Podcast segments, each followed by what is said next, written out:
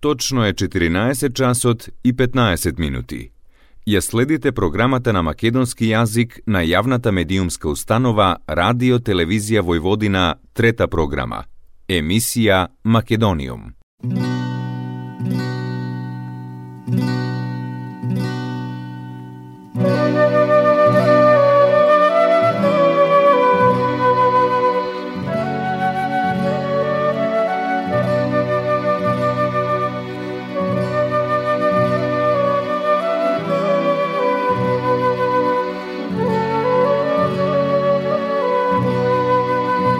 Македониум.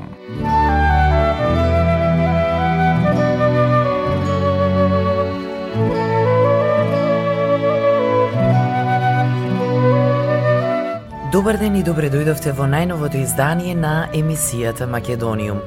Со вас, почитувани слушатели, е вашиот уредник и водител Јулијана Милутиновиќ. Македониум. Символот на македонскиот фолклор, традиција и култура низ повеќе од 7 децении, културниот македонски амбасадор кој ги негува македонските традиционални песни и игри, народните носи и инструменти, и кој преку соодветен музички израз сценски го представува најголемото богатство од македонската ризница танец, во недела на Коларац во Белград ќе настапи низ единствена фузија заедно со најпознатиот македонски гитарист Владко Стефановски. Концертот е закажан за 20 часот, а заедно со овие два македонски бренда, како еден од најдобрите македонски композитори и аранжери на обработки на фолклорни теми, ќе настапи и врвниот Дамир и Мери. Овој настап не е прв ваков на Владко и на танец, а публиката ја очекува вистински сценско-музички спектакл. Македониум. Националната установа Танец е официјално формирана во 1949 година. Ова институција која го одржува, негува, чува и збогатува македонскиот фолклор. Формирањето на ансамблот се покажало од исклучителна важност, чие прво представување надвор од границите на Македонија, тогашна Југославија, се случило во 50-тата година во Англија на Интернационалниот фестивал во Велс. Членовите на танец со изведбата на тешкото ги освојуваат сите можни поени и ја добиваат највисоката награда. Вреден за споменување е фактот дека ниеден ансамбл во целата историја на трајање на фестивалот ги нема освоено сите можни поени од страна на жирито. За успехот на танец говорат бројните добиени награди и признанија како што се 11 октомври, Климент Охридски наградата на град Скопје, како и орденот на заслуги доделен лично од председателот на Република Македонија. Танец им учествувано на над 4500 концерти и подиуми во земјата и во светот пред околу 8 милиони гледачи. Репертоарот на танец го сочинуваат најубавите игри, песни и оркестерски дела, како што се невестинското, тешкото, комицко, чифте чамче, осоговка и уште многу други бисери на македонското народно творештво. Во својата културна мисија ансамблот Танец остварува контакти со македонските иселеници во странство, настапува и континуирано им помага во зачувувањето на македонската културна традиција. Пред само неколку денови Танец во Скопје го одржа маестралниот концерт во чест на 100 годишнината од раѓањето на доајенот на македонската народна песна Александар Сариевски. Овој концерт беше уште една потврда на автентичниот и богат македонски фолклор со кој се гордееме. thank you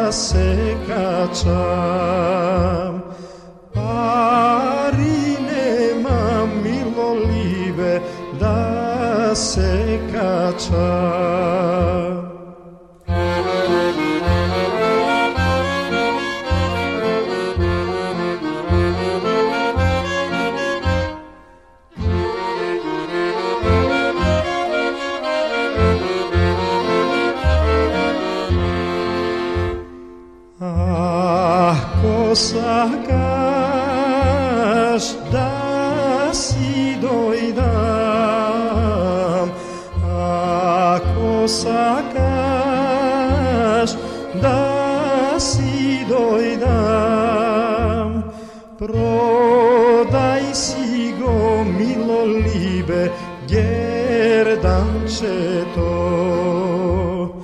Prodaj si go milo libe jer dam će to. Ako nesta sam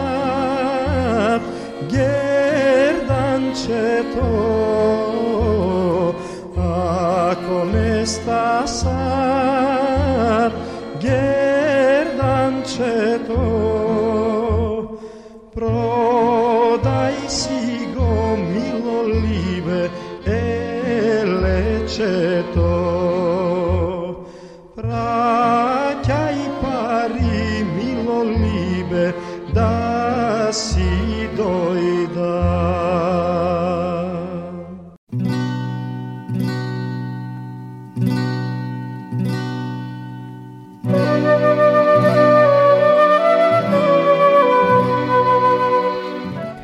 Повод маестралниот концерт во чест на 100 годишнината од раѓањето на доајенот на македонската народна песна Александар Сариевски, што се одржа во Скопје пред само неколку денови, денеска во Македониум на мое големо задоволство ни гостува раководителката на сценско-уметничката дејност на Националната установа Танец, етномузиколог и новинарка магистер Бранка Костич Марковиќ.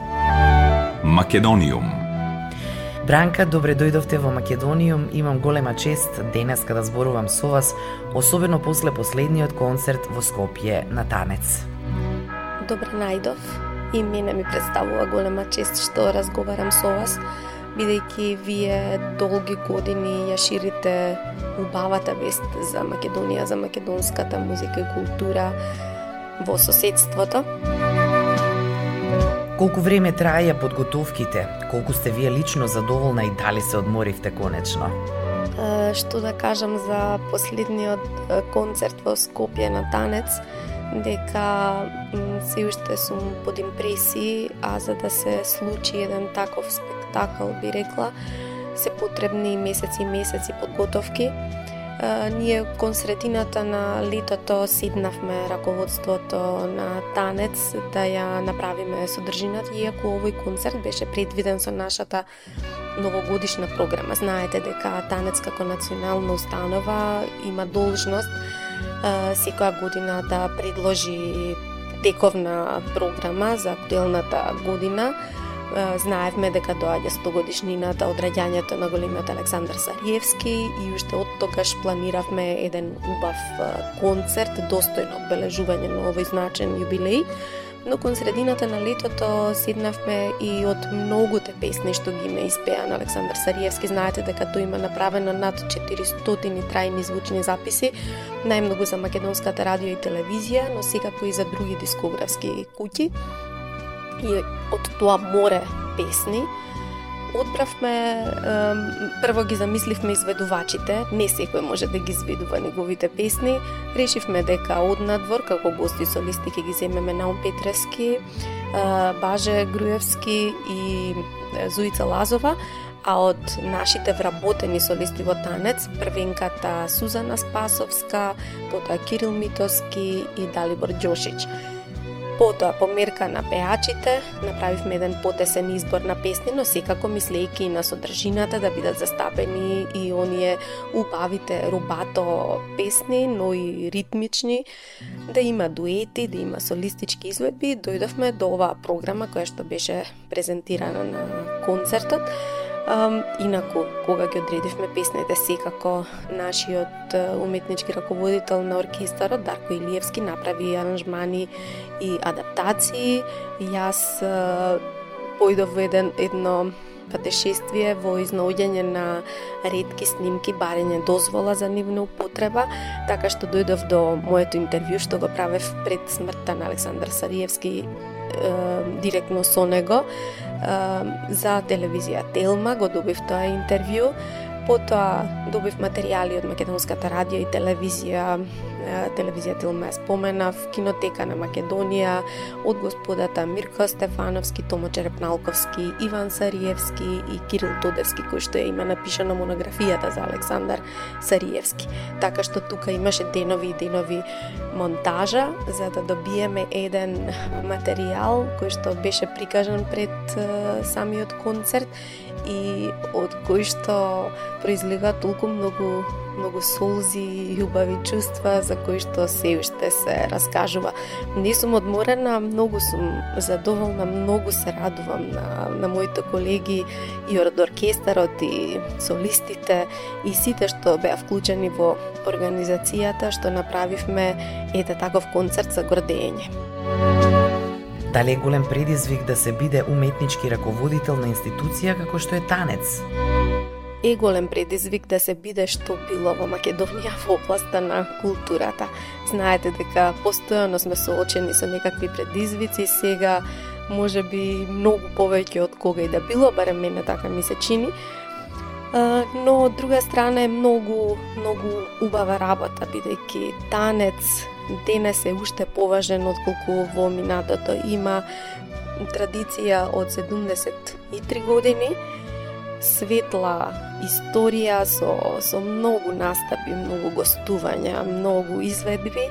И вие сега треба да се занимавате со едно совршенство и да го водите низ новите искушенија танец порано ако беше пред се насочен кон изведбата, иако во статутот уште при самото основање 49 стои дека тој треба да го собира, негува и да го уметнички да го презентира достоинствено македонскиот музички играорен фолклор, сепак денес станува и главниот чувар, главниот столб на македонскиот фолклор, бидејќи народната музика, традиционалната веќе не постои на теренот пред само исчезнување, така што танец со својот богат фундус и на инструменти, на носи, на народни мелодии, кореографски постановки кои што во себе содржат голем број на ора, песни и свирки, е на вистина еден жив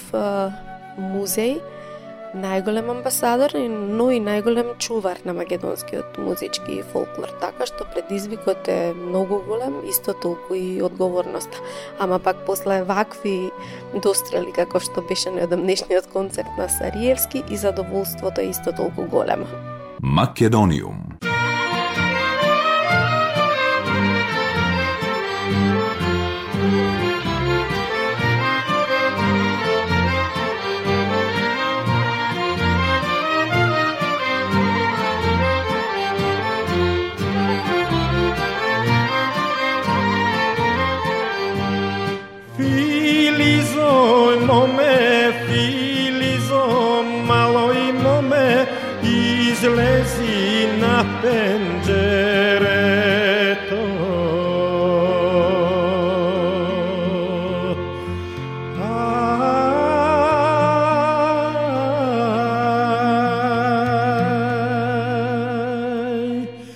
Dati govi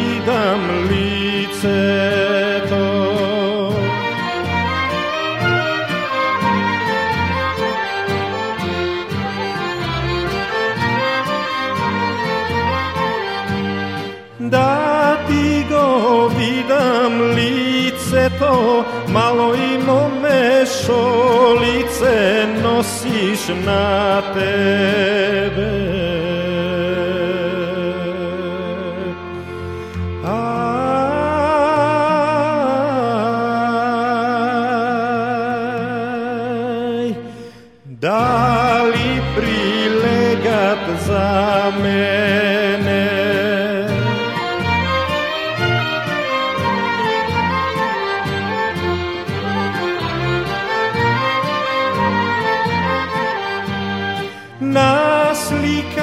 da go slikuvam Malo i mome vtefterod da go narem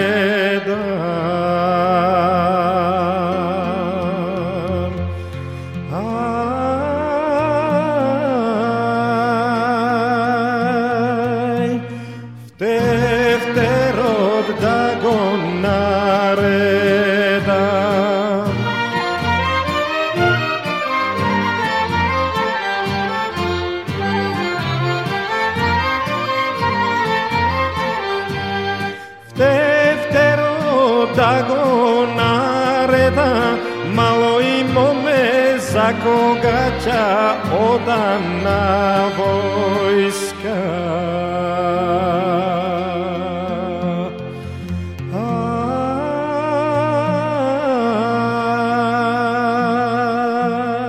Aj, Za koga ta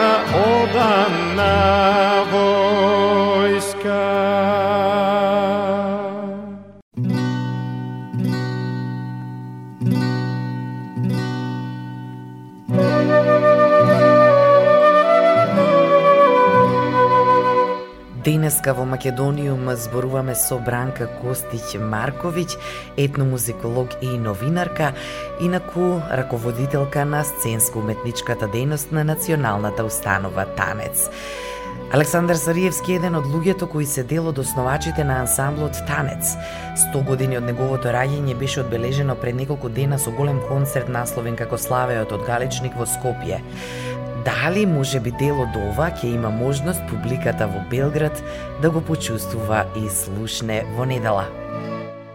Александар Сариевски е дел од првата генерација на ансамблот Танец и неговиот знаменит тапанџија на урото Тешкото она уро со кое што го освоиле првиот меѓународен успех во Ланголен на фестивал кога настапиле со тешкото и кога го свртеле вниманието на целата светска јавност. На концертот Славајот од Галичник видовме колку важни, односно се подсетивме колку важни личности поминале низ ансамблот Танец и јас верувам дека овој концерт треба да се види и на други сцени, зашто деновиве постојано стигнуваат жалби од луѓе и од другите градови од Македонија дека и тие би сакале да го видат концертот, а и од регионот, така што овој концерт, како и концертот Владко и Танец, има потенцијал да биде атрактивен и за публиката надвор од земјата. И јас длабоко верувам ако се најдат заинтересирани организатори, менаџери, дека овој концерт ќе прозвучи и надвор од Македонија. Следната година се навршуваат 100 години од раѓањето на Васка Илиева. Дали танец може би ќе подготви некое слично концертно уживање? Да, ова се годините кога се одбележуваат многу значајни годишнини оваа година не само не само 100 години од раѓањето на Александар Сариевски, туку 100 години од раѓањето на Тале Огниновски, така што ние дел од новогодишниот концерт ќе му го посветиме нему. Следната година е 100 годишнина од раѓањето на Васка Илиева и така многу години, многу очекувања од танец. Народните оркестри во македонската радио и телевизија долги години не постојат и тоа е вистинска штета. Па од друга страна, танец е тој кој што со својот оркестар може да го понесе товарот на одбележувањето на вакви значајни личности. Ке видиме како ќе се организираме, секако ветуваме повторно достојно концертно представување на, на ликот и делото на вакви големци. Бранка, дали би можеле да одвоите омилена песна од големиот број на песни снимени од Александар Сариевски и дали има некое македонско оро кое секогаш со уживање го слушате или играте, иако танец е совршен во тоа? Омилена песна, па вие знаете самите ако се занимавате со музика, ако сте професионален музичар, дека е многу тешко да се издвои омилена песна, омилен жанр. Um, јас би рекла дека многу ја сакам да деги луди млади години. Um, Абер дојде Донке, Сулейман седи, на кула, Ој овчарче, секако зајди, зајди. Uh, од македонските ора, uh, јас немам таков бекграунд, не сум играла никогаш во културно-медничко друштво, да речеме, туку доаѓам од светот на класичната музика и дури кога дојдов на факултетот за музичка уметност, станав дел од првата генерација од катедрата по етномузикологија, тогаш некако сватив дека македонскиот музички фолклор може да биде мојот следен предизвик и затоа ем, не ми паѓа на памет да се фатам наора во танец покрај таквите врвни маестрални играорци, но затоа сум прва на нашите веселби и свадби каде што го игра Пајдушко од Црногорка, и другите ора од е, регионот. Ем, слушам, слушам музика, слушам се што има врска со корените, а се има врска со народната музика. Значи, джезот и сите други жанрови е, влечат потекло од е, традиционалниот фолклор на народите во светот, па и на македонскиот. Македониум Вие бевте долгогодишен новинар во Телма, па потоа имавте емисија во приватна продукција. Дали е во план повторно ваков некој проект? Да, бев долгогодишен новинар, над две децении работев во Телма, потоа правев емисија која што малку го прошири фокусот. Не беа само музичарите предмет на мојот интерес, туку сите други луѓе што имаат врска со културата и уметноста, па дури и некои лекари, да речеме, кои што се пасионирани собирачи на музика, влюбеници во колекционери на уметнички дела и така натаму и ужива во тој проект. Мене искрено ми недостасуваат ваквите форми, бидејќи како велат, еднаш новинар, секогаш новинар, но за среќа и работата во танец ми овозможува да сум повторно тоа. Јас имам голема комуникација и со медиумите, и со јавноста, обмислувам програми, пишувам текстови, така што новинарската работа излегува од мене на овој или оној начин. Сега само кога го правев документарецот за Александар Сариевски се подсетив колку колку уживам и колку ме недостасува тој вид на на креирање, така што можам да ветам дека сигурно видне ќе има уште некој нов uh, проект. Бранка, пред самиот крај од денешниот разговор, ви благодарам многу што бевте со нас. Само останува да ни кажете што може да очекуваме во недела од имиња како Владко, Танец и Дамир Мери. А на самиот крај сакам да ви кажам дека ќе уживате во проектот Владко и танец, бидејќи луѓето немаат слушнат вакви аранжмани кои што специјално за овој проект ги направи Дамир и Мери. Ке го слушнат калајджиско, пелистерско, оро, ке ги слушнат зајди зајди, мислам, не си го продавај и флигот чифлигот и така натаму и така натаму, да не редам. Концертот во Скопје на есенските музички свечености помина прекрасно, потоа имаше и друг живот на големиот фестивал Лент во во Марибор се слушна во античкиот театар во Охрид и на Хераклеа во, во Битола. Така што ви посакувам да уживате во концертот на Коларац, а ние ќе разговараме во нека друга прилика. Ви благодарам.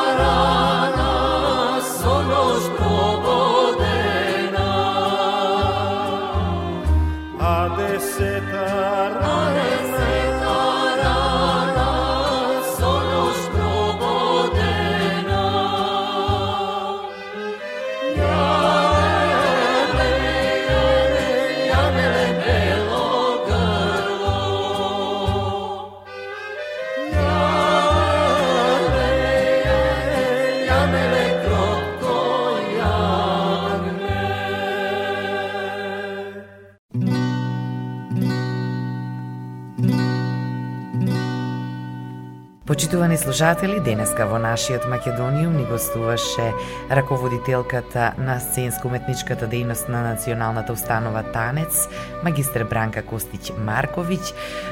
Ви благодарам за вниманието. Ние се слушаме повторно за 7 дена. Ја следевте програмата на македонски јазик, емисија Македониум. Главен и одговорен уредник Воин Поповиќ.